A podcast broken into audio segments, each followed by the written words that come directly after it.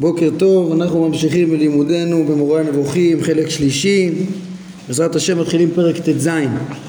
פרק ט"ז הוא פרק חשוב מאוד, וכמו שדיברנו אתמול, הוא פותח אה, את מעלה, אפשר לומר במובן מסוים שהוא פותח את פרקי ההשגחה עצמם, אחרי שכל אה, מה שלמדנו עד עכשיו זה היה הקדמה, הקדמה תרופה למכה.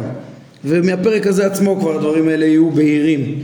בעזרת השם, כן, הפרק הבא, י"ז, זה יהיה דעות בני אדם בהשגחה והדיון עליהם, אבל יש פה פרק שהוא הקדמה לזה. אומר אה, הרמב"ם ככה, הפילוסופים דיברו על האל יתעלה כזב חמור מאוד על ידיעתו את זולתו. טענו שהוא לא יודע את זולתו, לא יודע לפחות את הפרטים, אנחנו נראה את הדעות השונות שלהם, עוד מעט הרמב"ם מפרט את זה אה, בפסקה עשר. כן, וכשלו כישלון שאין ממנו תקומה, לא להם ולא להולכים אחריהם בדעה זו. אותו כישלון של הכחשת הידיעה, אין, אין ממנו תקומה, אין ממנו תקומה אם, אם לא יודעים ש, שהשם אה, יודע את המציאות ומשגיח על, המציאות, אז זה, זה, יש לזה השלכה גם לעבודת האדם, כן, אין, אין תקומה למי שחושב שאין אה, אה, השגחה במציאות הם מביאים פה גם אה, תרגום גם אחר, שזה גם, אפשר לתרגם פה מעידה שאין לה מחילה. זאת אומרת כמה חמורה, לפי התרגום השני, כמה, כמה חמורה ההתפרצות הזאת, הטענה הזאת, שהאל לא יודע את הפרטים, לא יודע את זולתו. עוד השמיעך את הספקות שגרמו להם ליפול בכזב שדיברו, והשמיעך גם את דעת תורתנו בנוגע לכך, איך פותרים את, את אותם ספקות. אה, את אותן קושיות שהם אה, הקשו והביאו אותם לכזב החמור הזה, לשקר החמור הזה, לייחס אה, אי ידיעה לבורא. והשמיעך גם את דעת תורתנו בנוגע לכך כן ואת התנגדותנו להם באשר לדעותיהם הפסולות והמגונות בעניין ידיעתו של האל. כן אנחנו מיד נראה כבר בפרק הזה את עיקרי הטענות האלו, הספקות שגרמו להם, בפועל התשובות אה, אה, עליהם אה, בעניין הידיעה זה יהיה בעיקר בפרק כ', המהלך של י"ט עד כ"א זה, זה בצורה יותר כוללת התייחסות לשאלות שהם יעלו בפרק הזה בעניין הידיעה. כן, אז אתם כבר, כבר רואים פה מהפתיחה שהרמב"ם רוצה להראות פה אה, את ה, בפרק הזה את הסיבה להכחשת הידיעה ולהכחשת ההשגחה גם מיד אנחנו נראה. כן, כאילו בפתיחה לפרקי ההשגחה מבינים מה בכלל מפריע בהשגחה, למה הכחישו הפילוסופים את ההשגחה או אחרים הגיעו לתירוצים דחוקים. אז אה, כן, הרמב"ם מסביר, תראו זה לא, לא רק הידיעה אלא גם הכל נובע מהכחשת ההשגחה, כמו שמיד הרמב"ם אומר. עיקר מה שהפיל אותם בדבר זה, איך אפשר להגיע לייחס כזה חיסרון אדיר לבורא ועוד אה, מושכל ראשון הוא שהוא צריך לייחס לו את כל, את כל המעלות. אה, אז מה שהפיל אותם בדבר זה והביא אותם לכך הוא מה שנראה במבט ראשון כחוסר סדירות במצבי בני האדם. ושיש אנשים צדיקים שחייהם רעים ומלאי איסורים, צדיק ורע לו, ויש אנשים רשעים שחייהם טובים ומהנים. כן, הכל, הכל מתחיל, אומר הרמב"ם, הבעיה העיקרית, הסיבה העיקרית שהביאו אותם להכחשת הידיעה היא קודם כל הקושייה של צדיק ורע לו רשע וטוב לו והרמב"ם מציין פה שזה, שזה נראה כך רק במבט ראשון שאותו אה, מבט ראשוני ולא מבוסס ולא מספיק שחושב שאין סדירות במצבי בני אדם כי הוא רואה צדיק ורע לו, רשע וטוב לו והוא לא מעיין להבין את הצדק שבאמת קיים אה, זה מה שכן אה, אה, מביא, הביא, הביא להיעדר ההשגחה ונראה מיד גם שזה מה שהביא לטענה של היעדר הידיעה. כן, דבר זה צדיק ורע לו רשע וטוב לו, אי סדירות בני אדם, דבר זה הביאם לכך שעשו את החלוקה שתשמענה כעת כן, את החלוקה שתשמענו כעת. חלוקה כזאת, חלוקה הכרחית של כל האפשרויות שממנה הם מגיעים למסקנה מבחינתם אה, לכאורה הכרחית אה, חלילה להכחשת הידיעה האלוהית. אה, הם אמרו, הכרח באחת משתי אפשרויות או שהאל אינו יודע דבר מן המצבים הפרטיים האלה ואינו משיג אותם או שהוא משיג אותם ויודע אותם, וזו חלוקה הכרחית, אין אפשרות אחרת. או שהוא יודע את כל מה שקורה פה תחת גלגל הירח, או שלא. אחר כך אמרו, אם הוא משיג אותם ויודע אותם, הכרח בש... בש... באחת משלוש אפשרויות. או שהוא מסדר אותם ומנהל אותם בסדר הטוב ביותר, אה, השלם ביותר והמושלם ביותר, מה שאנחנו למדנו בפרקים הקודמים שכך הוא, רק אה, צריך, אה, אולי רוב בני אדם לא מבינים את זה, על כל פנים, מה האפשרויות? או שהוא מסדר את זה בצורה הכי שלמה שיכולה להיות, או שנבצר מאיתו לסדר אותם ואין לו יכולת לגביהם, הוא לא מסוגל, אה, כן, לסדר את המציאות, או שהוא יודע ויכול לסדר ולהנהיג באופן טוב, אלא שהוא מזניח זאת מתוך זלזול ובוז, או מתוך צרות עין, כמו שאנחנו מוצאים בבני אדם, איש היכול להיטיב לאדם אחר, ויודע שאותו אדם נזקק להטבתו, אלא שבשל רוע טבעו ורשעותו וצרות עינו, יהיה צר עין כלפיו בעניין זה ולא יטיב לו. גם זו חלוקה הכרחית ונכונה, כן? אומר הרמב"ם שלוש אפשרויות, או שהבורא בפועל יכול ומסדר, כן?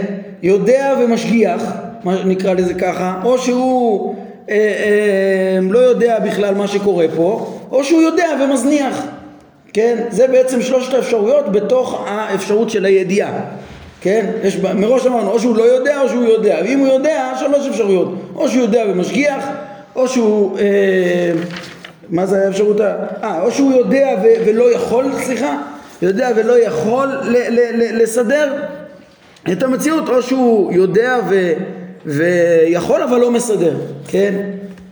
אה, יודע ומזניח, כן? גם זו חלוקה הכרחית ונכונה. כוונתי שכל מי שיודע דבר מסוים, הכרח שהוא משגיח תוך שהוא מנהיג את מה שהוא יודע, או שהוא מזניח זאת, כמו שאדם מזניח בביתו את הנהגת החתולים למשל, כן, או דבר נבזה מכך, שלא אכפת לו מזה, הוא יודע, אבל זה לא משנה לו, אז, אז, אז, אז, הוא לא טורח לסדר את אותו דבר, ומי שמשגיח על דבר, יש שהוא נבצר מלהנהיג אותו, אפילו רצה בכך, אז זה שלושת האפשרויות שהוא, אה, אה, שיכולים להיות, בהנחה שהאל כן יודע את, ה, את המציאות. כיוון שעשו את החלוקה הזאת, פסקו ואמרו ששתי האפשרויות מבין השלוש הכרחיות האחרונות, כן, אה, אה, הכרחיות לכל מי שיודע, הן בלתי אפשריות ביחס לאל יתעלה. שתיים פה לא נכונות ונשאר, כן, ובוא נראה מה נשאר לנו, כן? אז הוא אומר, ואין שהוא אינו יכול, להגיד שאין לבורא, שהוא יודע, כן, את המציאות אבל לא יכול לשנות אותה, לא, זה בלתי אפשרי לייחס לאל, או שהוא, כן, גם האפשרות שהוא יכול ואינו משגיח ומזניח, שני הדברים האלה בלתי אפשריים. למה הם בלתי אפשריים? כי זוהי מידה רעה, או אין אונים, וחלילה לא מהם. הם לא רצו בשום פנים, כן, ברור להם שאין לייחס חסרונות לבורא, לא חוסר יכולת ולא, אה, ולא אה, מידה רעה. אז זאת אומרת, להגיד שהוא יודע מה שקורה פה אבל לא יכול להתערב, זה, זה חיסרון יכולת, זה בלתי אפשרי. להגיד שהוא יודע ומזניח כי לא אכפת לו, כמו, איזה, כמו הצ, אדם עצר עין שהרמב"ם תיאר אה, בפסקה 4, זה לייחס לו מידה רעה, כל הדברים האלה חלילה לא מהם. אז מה נשאר לנו? מה נשאר לנו מה... אה, מתוך האפשרויות? נמצא שלא נותר מכל החלוקה אלא שאין הוא יודע דבר מן העניינים האלה כלל, זה האפשרות הראשונה בכלל, כן, האפשרות שהוא לא יודע, או שהוא יודע אותם ומסדר אותם בסדר הטוב ביותר, זה מה שיכול להיות. או שהוא יסדר הכי טוב שיש, יודע ומסדר, יכול ומסדר, כן, או שזה כמובן מה שאנחנו מבינים שזו המציאות, כן, או שבכלל לא יודע. כי, כי האפשרויות האחרות של יודע ומזניח זה חיסרון גדול, או, או, או, או, או יודע ו... ולא יכול זה גם חיסרון גדול, כן? ומכיוון שאנו מוצאים שאין הם סדורים ולא נובעים מן ההיגיון ולא מתנהלים כראוי כן, הרי זו ראיה לכך שאין הוא יודע אותם בשום פנים ואופן. זאת אומרת, אותו מבט ראשון שלהם שרואה שהמציאות במצבי בני אדם, כן, מבט ראשון שהוא נמצא אצל רוב בני אדם גם כן, לצערנו, כן, שחושבים שמצבי בני אדם לא צודקים, ולא מסודרים, מי שמסתכל בטבע המציאות רואה שזה לא מסודר, אז אומרים הנה עובדה, הזכרתי אתמול שבפרק י"ז נראה לי 13 הרמב"ם יאמר שמי שהולך אחרי טבע המציאות, אז, אז באמת נראה ש, שיש גם רעות לצדיק ו, וטוב לרשע, וכאילו הדברים לא סדורים בהתאם לכל איש לפי חוכמתו ולפי מעשיו.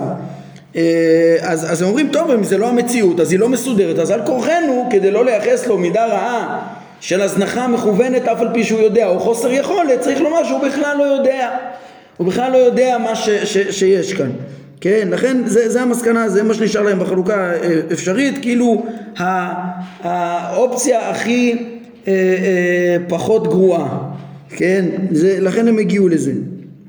אה, הרי זו על כך שאין הוא יודע אותם בשום פנים ואופן. אומר הרמב"ם דבר זה הוא שהפילם תחילה באותו כזב. מכאן הגיעו להכחשת הידיעה. איך אפשר להגיע לכזה טענה שהאל לא יודע? זה כאילו כל כך בלתי אפשרי, אבל הרמב"ם אומר זה היה המהלך הראשון שלהם, שהוביל אותם לזה. תמצא את כל מה שסיכמתי לך על חלוקה שעשו, והערתי על כך שזוהי נקודת הטעות שלהם, מבואר ומפורש בחיבורו של אלכסנדר מפרודיסיאס על ההנהגה. כן? אז זה הרמב"ם לא אומר סתם בעלמא, כשהוא אומר דבר בשם הפילוסופים זה באמת אה, אה, נמצא אצלם, הוא מפנה אותנו הפניה מדויקת לספרו של אלכסנדר, כן, שפגשנו אותו המון פעמים, הוא נחשב אולי גדול פרשני אה, אה, אריסטו אה, וה, והקדמון שביניהם, כן, עוד הרבה לפני הערבים, מדובר בפרשן שהיה בימי האמוראים, כן, אה, אה, אריסטו היה בימי התנאים ו... ו אלכסנדר היה בימי האמוראים אז אה, כן, כבר ראינו דברים שהרמב"ם גם ציטט ממנו וכולי. אז הוא אומר, החלוקה הזאת, ההכרחית הזאת והמסקנה שמתוך זה שהמציאות לא מסודרת, כן, מה טעם הכחשת ההשגחה והידיעה, הכחשת הידיעה היא התחילה מתוך זה שהבינו שאין השגחה במציאות, כך נראה מטבע המציאות, וממילא האפשרות הכי פחות גרועה זה להגיד שהבורא אה, אה, אה, בכלל לא יודע את מה שקורה פה ולכן זה לא שהוא יודע ומזניח או יודע ולא יכול. אגב, שתי האפשרויות האלה שהפילוסופים אומרים בלתי אפשרי לייחס לו חיסרון יכולת, כן?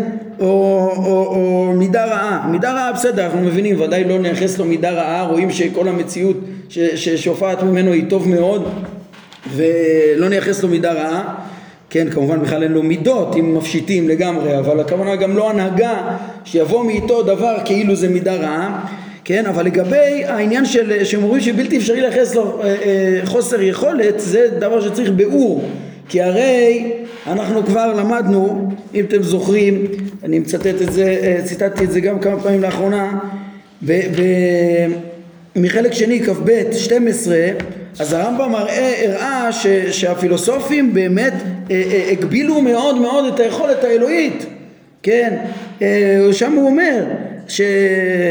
כן, בתוך פרקי הבריאה שם, לפי דרך הקדמות, הכל מחויב, ולפי דעתם, מה יוצא? הרמב"ם אומר שנובע מדעתם זרויות גדולות מאוד, דהיינו שהאלוה, שכל בר דעת מודה שהוא שלם בכל מיני השלמויות, נעשתה מציאותו כלפי כל הנמצאים כזו שאין הוא יכול ליצור דבר, הוא לא יכול ליצור שום דבר, כן, אפילו רצה להאריך כנף זבוב ולקצר רגל תולעת, לא יכול, כן, אז מה, הפילוסופים כן הגבילו את היכולת, פה כתוב כאילו הפילוסופים לא רצו, לא אמרו בשום פנים ואופן אי אפשר להגביל את היכולת. לכן חייבים להגביל את הידיעה, נו ומה פתרת? הרי אז הוא לא יודע ועדיין הגבלת גם את היכולת, כן? אבל צריך להבין שיש פה פתרון להם, כן? הם רוצים להגיד זה לא, זה לא היעדר יכולת, להפך, כי, כאילו אם זה בתחום אה, ידיעתו, כאילו אז, אז, אז פה ישר מתחייב המידה הרעה של ידיעה והזנחה, אם זה לא, כן, ו, או, או או חוסר יכולת, כאילו אתה יודע דבר ולא יכול, אתה מתעסק בזה ולא יכול להגיב. אבל הם, ברגע שהם יגידו חסרון ידיעה, אז זה בכלל לא בתחום, בכלל אין רצון להתעסק בדבר הפחות הזה, ככה ש, שככה הם יוכלו גם ל, ל, ל, לפתור את הבעיה גם ש, של חוסר היכולת. כאילו זה לא שייך בכלל. תראו הרמב"ם עצמו ככה מסביר שמה באותו מקור שהתחלתי לקרוא בית כ"ב 12 הוא אומר אבל אריסטו איך אריסטו מתרץ את הטענה הכל כך חמורה שהוא מייחס לבורא שהוא לא יכול כלום פה במציאות. אריסטו אומר שאין הוא רוצה בזה ושבלתי אפשרי שהוא ירצה אחרת ושאין זה ממה שמוסיף לו שלמות אלא אולי הוא חיסרון מבחינה מסוימת. כן? זה בעצם הטענה של אה, אה, אריסטו, הוא, הוא רואים שהוא רוצה להסביר למה זה לא חיסרון, הוא לא רוצה בזה בכלל, מה פתאום שהוא ירצה במשהו פחות מעצמותו בעצם, הוא רק יודע את עצמותו, או מיד נראה את השיטות השונות אה, בידיעה, מה כן הוא יודע לפי שיטתם, כן? ובלתי אפשרי שירצה אחרת, אין אצלו שינוי רצון בכלל. וזה, ואין זה ממה שיוסיף לו שלמות, מה פתאום שיוסיף לו שלמות לדעת איזה דבר פחות מאיתו, כן? אלא אולי זה חיסרון מבחינה מסוימת, זה חיסרון לדעת משהו מחוץ לעצמותו או לדעת פרטים שמשתנים וכמו שאנחנו נראה עוד מעט הטענות השונות שהם אמרו ביחס לידיעה אבל מה שאני רוצה אה, להראות זה כאילו זה, זה, זה הבלתי אפשריות פה גם כן אולי זה אה, כן קצת בהמשך לפרק הקודם שלמדנו שהנמנעות הן לא מפעולת פועל ושאין חיסרון אה, אה, ליכולת בזה שהאל לא מתואר לשנות אותם, אז זה גם מה שיסביר את שיטת הפילוסופים פה. זאת אומרת, הם, הם רצו לטעון שלדעת את, ה, את הפרטים פה מבחינת האל זה מן הנמנעות, ולכן זה לא חסרון יכולת, ו, וזה הולך יחד עם הכחשת הידיעה. הוא לא מתעסק בזה, הוא לא יודע את זה, והוא, לא, והוא גם לא יכול לשנות את זה, נכון, הכל מתחייב ממנו אוטומטית, אבל בגלל שזה מראש בכלל הנמנעות, לכן זה לא חיסרון יכולת, ככה, ככה זה לפי שיטתם. טוב, אבל, אבל בואו נראה איך הרמב"ם אה, מתמודד איתם, יש להם פה הרבה טעויות חמורות אה, מאוד מאוד, שבסוף המסקנה, המסקנות מאוד מאוד חמורות אה, של הכחשת הידיעה והיכולת של הבורא להתערב, חוץ מטעות בכלל בעיני הרמב"ם אובייקטיבית בניתוח המציאות. והכל טעויות שבעיקרון הפילוסופים היו אמורים לדעת. תראו איך הרמב"ם אה, מאשים אותם עכשיו בצורות אה, מאוד מאוד חמורות, כאן ועוד בפרק כ', וכל הטענות שלהם בנושא הזה של השגחה וידיעה וכל ההתכחשות הזאת, כן, ל- ל- ל- לידיעה ולהשגחה ולסדירות המציאות, הרמב"ם תוקף אותם בדברים חמורים. אה, כן, אומר הרמב"ם ככה, ראה והתפלא כיצד נפלו לרוע חמור יותר ממה שברחו ממנו.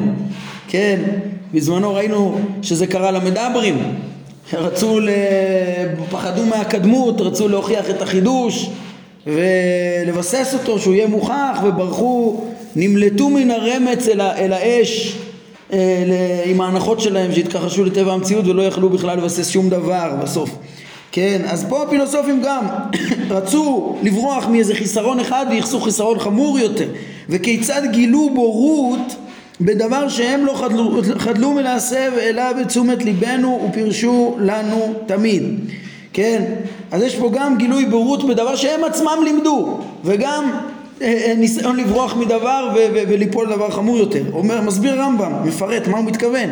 נפילתם לרוע חמור יותר ממה שברחו ממנו הוא שממה הם ברחו? הם נמנעו מלייחס לאל הזנחה שהוא מזניח את, את, את המציאות ופסקו לו אי ידיעה ושכל מה שבעולם השפל הזה נסתר ממנו ואין הוא משיגו מה יותר עצמי לאדם? מה שהוא יודע או, או איך שהוא אחר כך אה, אה, האם הוא, האם הוא פועל על פי זה או הפעולה הידיעה היא יותר עצמית מאשר הפעולה כן, לכן לבוא וכדי לא לייחס לבורא אה, חיסרון של הזנחה שהוא לא פועל באחרים זה שייך לתחום של ההנהגה את האחרים. אז לבוא ולייחס לו אי ידיעה שזה משהו יותר עצמי לא. זה פשוט ליפול, לייחס חיסרון לפתור, כדי לפתור בעיה של חיסרון קטן מייחסים לו חיסרון גדול. אם אתם זוכרים ואם זה מעשה מרכבה בדמות האדם החלוקה הרמב"ם אה, רמז לבחינות של השכלה והנהגה. חלק עליון וחלק תחתון בדמות. השכלה והנהגה.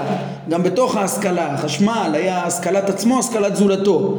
אז השכלת עצמו זה הדבר הכי הכי, הכי עמוק בשכל הנבדל, כן? ולהבדיל בידיעה האלוהית אי אפשר להשיג אותה, אבל אם אנחנו מדברים מבחינתנו על הבחינות האלה, אז, אז ידיעת עצמו זה הכי, זה הכי עמוק, ידיעת זולתו זה עדיין ידיעה, וזה, וזה החלק העליון של הדמות, של הזכלים הנבדלים, כן? ואחר כך החלק התחתון אמרנו שזה הנהגה את זולתו, כן, אז, אז, אז הם רוצים לא לייחס לו חיסרון של uh, בהנהגה, כאילו להגיד שהוא מזניח, ובמקום זה פוסקים לו חיסרון גדול יותר. מה הרווחתם? כן, להגיד שהוא לא יודע כלום, זה, זה, זה חיסרון יותר עצמי בו. Uh, וחוץ מזה יש להם, כן, הכל התחיל מבורות, בורות שהם גילו, כן, במה? במה, במה הם גילו בורות? במה שהם לא חדלו מלהסב אליו את תשומת, ליב, ליבנו אה, אה, כן, מה, מה הכוונה? אותו דבר שהם תמיד חינכו אותנו אה, והסבו את תשומת הלב לשים לב, בזה הם גילו בורות. מה הכוונה? זה שהם התבוננו במציאות לפי מצבי בני האדם שראותיהם, כן, שבאמת ראותיהם באות מהם או מהכרח טבע החומר כמו שהם אומרים ומבהירים תמיד. וכבר ביארנו מכך מה שראוי. ראיתם פה איך במשפט אחד הוא אומר כמה היה צריך את כל ההקדמה של הפרקים הקודמים, כן, מה שמפנים פה לפרק י"ב, באמת שם אה, הובהר, כן, הסיבות השונות של הרע, צורפו ככה בבת אחת, מה שהתבהר במכלול של הפרקים, בעצם שמה, הם כאילו, הם, הם, הם מתבוננים לפי מצבי בני אדם, ושופטים בגלל זה את כל המציאות כאילו היא רעה ולא מסודרת, או אפילו מצבי בני אדם כאילו זה לא מסודר, בעוד שרוב רעותיהם אנחנו יודעים באות מהם, מהם עצמם הכי הרבה, כל אדם לעצמו או מאדם לאדם, או מהכרח טבע החומר. וממילא זה לא יהיה דבר שהוא, שהוא מת הבורא ולא סיבה שהוא, להגיד שהמציאות לא טובה ולא מסודרת. עם השכיחות הנמוכה ועם ההכרח באותו היעדר הדבק לחומר. הרי הם לימדו היטב את סוד החומר והצורה יסודות שהם ראינו שהם מיסודות אה, באמת המציאות, אה, הרבה דברים הם הכירו בטבע, מיסודות מעשה בראשית ומעשה מרכבה, אז הם לימדו על הסיבות של, של, של, של הרע. אז איך נפלתם במבט הראשון הזה להגיד שהמציאות לא מסודרת? וכבר ביארנו מכך מה שראוי, אומר הרמב"ם. אז בעצם איזה בורות במה שאתם עצמכם לימדתם, כן? בהמשך אנחנו נראה, כן, מיד הרמב"ם ניגש לעוד טענות שהם, שיש להם טענות עכשיו על הידיעה האלוהית. וכמו זה הרמב"ם יגיד בפרק כ' גם פה כל הטענות שלכם אתם טועים במה שאתם לימדתם אותנו תמיד. כן, הרי הידיעה האלוהית, עכשיו הם יקשו כל מיני קושיות למה אי אפשר שתהיה הידיעה האלוהית, אה, אה, תקיף את הפרטים ותדע אותם וזה יגרום שינוי וכדומה אבל הרמב"ם אומר רגע רגע רגע הרי אתם לימדתם אותנו זה יהיה בפרק כ', כן, שהידיעה האלוהית היא לא דבר נוסף על עצמותו ואי אפשר לדמות אותה לידיעה אנושית. אז מה פתאום אתם מתחילים ל- ל- להקשות קושיות על הידיעה האלוהית ולשלול אותה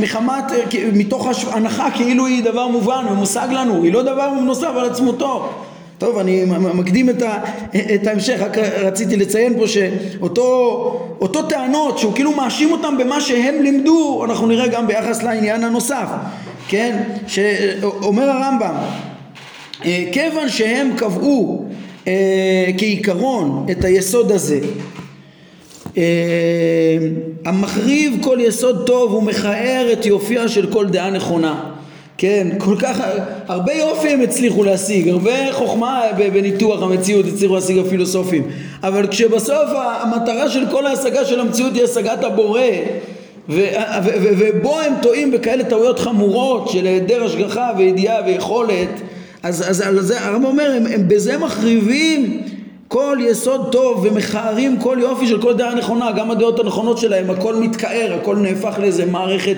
מחויבת, אה, אה, אה, מנותקת מהבורא ומפספסת את הכל, כמו שאמרנו בפרקי חידוש העולם. אבל כיוון שהם קבעו את היסוד הזה של הכחשת הידיעה בגלל הטעות של הכחשת ההשגחה, החלו לאחר מכן לסלק את זרותו. או, איך הם מסלקים את זרותו, איך, איך יכול להיות שהוא לא יודע? ממש, כן, ניסינו קצת להסביר אה, איך, אה, ש, שהם רצו להגיד שזה מן הנמנעות, כן? אז הנה פה, פה הרמב"ם מסביר את זה יותר, איך הם מסלקים את זרותו, איך, אמרנו את זה גם ביחס ליכולת, מה אין לו יכולת, ביח... כן אז הוא לא רוצה ובלתי אפשרי וזה יהיה חיסרון, כי אם הוא ישנה דברים אז אה, רצונו ישתנה, אז זה בלתי אפשרי, כן? זה מה שהבאנו מחלק שני כ"ב 12. פה הרמב"ם אומר, נו וגם ביחס לידיעה יש לנו הרבה טענות להגיד למה זה בלתי אפשרי שהבורא ידע, אם זה בלתי אפשרי אה, זה כבר לא חיסרון שהוא לא מתואר ביכולת על זה ושהוא לא יודע. הם טענו שידיעת הדברים האלה בלתי אפשרית לגבי האל מכמה בחינות. או, פה ממש רואים את היסוד שניסיתי להגיד קודם, את היחס בין הפרק הקודם לפרק הזה, מהבחינה הזאת גם כן שבאמצעות העיקרון שהבורא לא מתואר ביכולת על הבלתי אפשריים, אז אם נגדיר שבלתי אפשרי שידע, זה לא יהיה חסרון יכולת. לא, אה, אה, שהוא לא יודע את ה... עכשיו למה, למה באמת להגיד שזה בלתי אפשרי שהאל ידע את המציאות? מה הבעיה? אז יש להם פה כמה טענות. מהן שהפרטים מושגים רק בחושים ולא בשכל והאל אינו משיג בחוש כן, ברור שהאל אינו משיג בחוש, אבל מה, מה, מה אין לו חושים, כן? אה, אה, דמות הגוף חלילה ומושגי הגוף, אבל, אבל מה, מה הכוונה, מה הטענה פה? שהפרטים אפשר להשיג אותם רק בחושים. מה הטענה פה? כל הפרטים, כל פרט ממשי שקיים במציאות, אה, כל פרט בכלל הוא רק במציאות הממשית, החומרית, כן? כי הרי אם מדברים על המהות על, ה, על הצורה, אז הצורה של, של האריה היא אחת לכל המין. ההגדרה, המהות של האריה היא אחת, המהות של האדם היא אחת, המהות של כל מין ומין היא אחת, כן?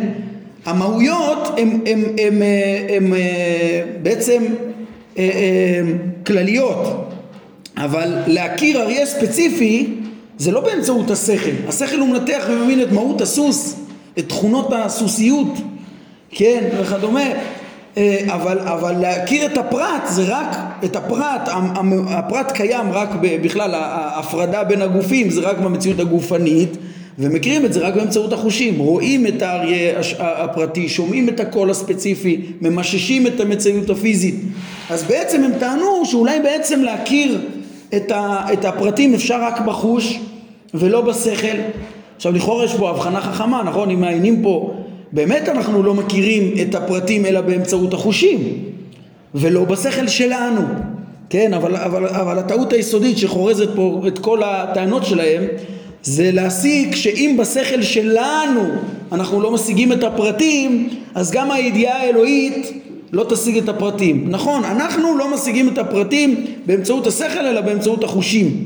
ונכון שלבורא אין חושים אבל לבורא לא נעלם ממנו דבר כן למרות שאין לו, אה, למרות שאין לו חוש והוא לא, ואין מה להגיד שכמו שהשכל שלנו לא משיג גם הוא לא, כי זה לא אותו דבר. זה יהיה ההבחנה, זה הטעות השיטתית שעונה על כל השאלות שלהם פה, כמו שהרמב"ם יראה, אה, יסביר בפרק כ'. יאשים אותם בצורה מאוד מאוד חמורה, בעצם יש פה הנחות לשאלה נוראיות שאומרות, דנות את הידיעה האלוהית כמו ידיעה אנושית. כן, ומהן איזה עוד דבר טענה הביאה אותם אה, אה, לחשוב שבלתי אפשרי שהבורא ידע, כן? מעין שאין סוף לפרטים. ואילו הידיעה מקיפה, וידיעה אינה יכולה להקיף אין סוף. הרי הפרטים אין להם סוף, בטח לפי שיטתם שהמציאות מתקיימת אה, אה, אה, מאז ומעולם ולתמיד, אבל גם בשיטת הרמב"ם אמרנו שכן, לפרטים באמת אין סוף, כי אולי העולם התחיל, נכון, העולם התחיל, אבל, אבל הוא יכול להמשיך לנצח. וידיעה לא יכולה להקיף אין סוף. למה? כי ידיעה בהגדרה היא מקיפה. היא, היא, מה זה לדעת דבר? לתפוס אותו בכללותו, להגדיר את הדבר. תמיד השכל תופס דבר מוגדר, מוגבל. אין דבר כזה שהוא יתפוס אין סוף. כן, לחשוב על המושג אין סוף, מבחינתנו זה רק לחשוב איזה מין הבנה כזאת שתמיד אני אמשיך לספור. כן, גם אף פעם אני לא אעצור, אבל אני לא אקיף את האינסוף. כן, זה, זה, זה ה... לכן המדברים רצו לטעון שאין דבר כזה בכלל אה, אה, אין סוף בגלל שאי אפשר לתפוס אותו בדעת. כן, הרמב"ם אומר יכול להיות אין סוף כמו הפילוסופים אין סוף במקרה דבר אחר דבר. אבל, אבל לא, אבל אי אפשר להקיף אותו בדעת. אי אפשר להקיף אותו בדעת. אם ככה אז אי אפשר להקיף אותו בדעת אז גם הבורא לא יכול לדעת את כל הפרטים כי אין להם סוף. כי ידיעה מקיפה עוד פעם, אתם רואים את הטעות הגלויה פה. למה אתם חושבים שהידיעה האלוהית היא כמו המושג של הידיעה האנושית, ש, שממילא היא לא, תדונו בו, כמו שהידיעה האנושית לא יכולה להקיף גם הידיעה האלוהית כזאת. ידיעה האלוהית לא מגדירים אותה. ו, ו, וכל הפרטים, כל האינסוף פרטים קיימים מכוח הבורא. מכוחו בבחירתו, ברצונו. ממנו הם מתחייבים, בטח שהוא יקיף אותם. כן, אנחנו לא יכולים לקלוט מה זה ידיעה שמקיפה אינסוף. אנחנו בשכל שלנו לא קולטים אינסוף. אבל על כל פנים עוד פעם, תראו כבר שתי טענות לכאורה חכמות, אה, לפני שקראתי פרק כ', קראתי את השאלות האלה, לא ידעתי לענות עליהן, כן? אומרים לך, רגע, השגת הפרטים רק בחושים, הבורא לא משיג בחוש, להקיף אין סוף, איך אפשר?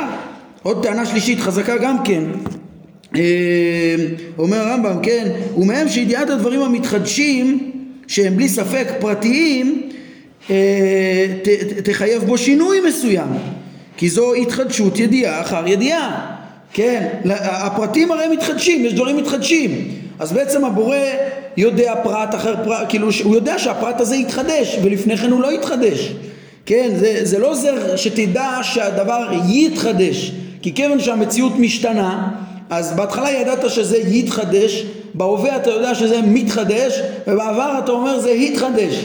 כן, אז, אז, אז, אז אם אתה יודע את הפרטים המשתנים, גם הידיעה חייבת להשתנות. עוד פעם, טענה לכאורה חזקה מאוד מאוד. אבל לא, למה זה לא, זה, זה לא, זה, זה לא טענה? כי אם בידיעה האנושית באמת היא, היא, היא מסתכלת, מתבוננת על הדברים מבחוץ, כמו שנראה בפרק כ"א, ומשתנה עם כל אה, תוספת ידיעה. אבל, אבל הבורא קודם כל לא משיגים בכלל את, את אה, ידיעתו.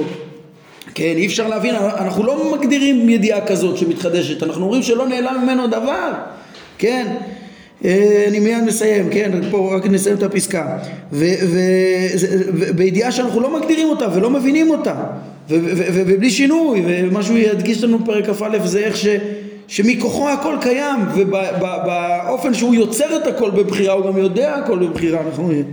אומר, אה, אה, מוסיף הרמב"ם, עוד קשיים היה להם. לגבי טענתנו שלנו, קהל הדתיים, שהוא ידע אותם לפני שהיו, כן, לא רק שהוא יודע אותם בשעה שהם קורים, אה, כן, זאת אומרת, אנחנו כאילו, כאילו, כאילו מתרצים את זה, את הטענה, הם דבר מתחדש אחר, אה, דבר מתחדש, אז הם יודעים כל דבר, כאילו להגיד שהבורא יודע כל דבר שמתחדש, זה לומר שהנה עכשיו מתחדש לו ידיעה, עכשיו מתחדש לו, אה, אז אנחנו עונים לא, הוא יודע את זה מראש לא, אבל זה לא עוזר לנו, הם מאשימים אותנו בשתי זרויות ביחס לדבר הזה. האחת, שידיעה תיקשר בהיעדר מוחלט. כאילו דברים שעוד לא קיימים, הוא יודע שהם יהיו. מה, מה, מה, מה עכשיו הוא יודע? הוא יודע שזה יהיה, אבל זה היעדר. אז גם זה הרמב"ם יגיד בהמשך, זה לא, זה לא היעדר מוחלט. למה אתם אומרים היעדר מוחלט? דבר שלעולם לא יהיה, זה לא, לא בכלל ידיעתו, כי הוא לא יהיה. כן, אבל פוטנציאל הוא יודע בדיוק את האפשרות שזה יהיה, כן, מה הבעיה? אנחנו נראה בהמשך, כן, אבל הם מאשימים אותו כאילו הוא יודע את ההיעדר, או אולי זה ביחס לחידוש העולם, הוא, הוא ידע שהעולם מתחדש מן העין, כן, אז פה אולי מתאים להגיד שהם מאשימים אותנו, הרי אנחנו לא אומרים שהמציאות התחדשה מפוטנציאל, מחומר יולי, כן, אלא מעין, אז, לפני שנברא העולם הוא ידע ש, כשלא היה בכלל גם פוטנציאל איזה חומר שאמור לאיזה אפשרות התהוות איזה משהו של אפשרות התהוות עולם אומרים שידע את זה כן? אולי בגלל זה הם אומרים את זה כן? אז הם, הם אומרים שידיעתנו תיקשר, ידיעתו תיקשר בהיעדר מוחלט שזה דבר לא הגיוני זה כלום אי אפשר לדעת כלום כן? והטענה השנייה שידיע, שידיעה של היות דבר בכוח וידיעת היותו בפועל יהיו דבר אחד זה לכאורה בלתי אפשרי, הרי מה אנחנו אומרים? אנחנו יודעים שדבר היה אפשרי ואחר כך נהיה בפועל, כן? והידיעה האלוהית לא השתנתה, המציאות השתנתה, הבורא ידע שזה יהיה, כי יש אפשרות שזה יהיה וזה יהיה, ואחר כך זה היה ולא השתנתה הידיעה, הרי זה מה שאנחנו חייבים לומר, שבלתי אפשרי שהמציאות, שהידיעה האלוהית תשתנה, כן? אז, אז מה, לדעת דבר שהוא בכוח ושהוא בפועל זה אותו ידיעה, הרי צריך להבחין בין בכוח לבפועל, זה בלתי אפשרי, זה הטענות שלהם, לכאורה הן טענות טובות, כן? אה, בעזרת השם פעם הבאה אנחנו נשלים את הדברים, הרמב"ם פה מציג איך, אז לאיפה הם הגיעו, מה כן, מה כן המסקנות שלהם בידיעת הבורא, ובפרק כ' הרמב"ם רק יפ... אה, אה, אה, פה הוא, הוא מתאר את חומרת הטעויות שלהם ואיך הם ניסו לסלק את הזרויות על ידי הטענות האלה. אבל בפרק כ' הוא יראה איך שכל הטענות האלה גם כן הן בעצמם בעייתיות ובעצמם אה, יש בהם את ההנחת יסוד החמורה של אה, לטעות במה שהם לימדו שהידיעה האלוהית היא לא דבר נוסף על עצמותו אי אפשר להשיג אותה לדמות אותה כן ונקודה חשובה שגם הרמב"ם מציין תדעו לכם זה כאילו נראה קושיות טובות שבגללם הם סילקו את הידיעה, לא בגלל זה הם סילקו את הידיעה. זה חשוב נגיד ללומדי כוזרי לדעת את זה. כן? הכוזרי פותח את, את הספר כאילו בטענה שידיעת האל היא בלתי אפשרית מכוח טענות כאלה, שידיעת הפרטים מחייבת שינוי. כאילו זה מה שהוביל אותם להכחשת ההשגחה, אבל הרמב"ם בפרק הזה, להכחשת הידיעה וההשגחה, השינוי, זה גם נכון, זה גם חלק ממה שהם טענו, אבל הרמב"ם טוען שהכל התחיל זה, זה, זה הטענה של הפרק שלנו, הכל התחיל קודם כל, כמו שמביא מאלכסנדר, מהטעות בטוב המציאות. הם ראו קושיית צדיק ורע לו רשע וטוב לו, וזה מה שהוביל אותם להכחשת הידיעה, ואחר כך רק כדי לסלק זרות הם המציאו את הטענות האחרות שבעצם הן שטויות, הרמב"ם מראה שהן לא, הם באמת לא טענות. זה, זה מעביר את המוקד של הנקודה לסוגיית ההשגחה קודם כל, שבה הרמב"ם כבר, איך אמרנו, כבר ביארנו איך הכל טוב מאוד, ועוד נבין אה, בעזרת השם, החל מהפרק הבא, את הסוגיה של ההשגחה, איך, איך הבורא גם כן עוד, אה, איך אפשר להבין בצורה ריאלית גם את ההתערבות של הבורא במציאות ואת הצדק ואת הסדירות עם כל הניסיונות פתרונות השונים שיש ולעומת הפתרון היותר עמוק שהרמב"ם מלמד אותנו. טוב, נעמוד כאן להיום. ברוך אדוני לעולם, אמן ואמן.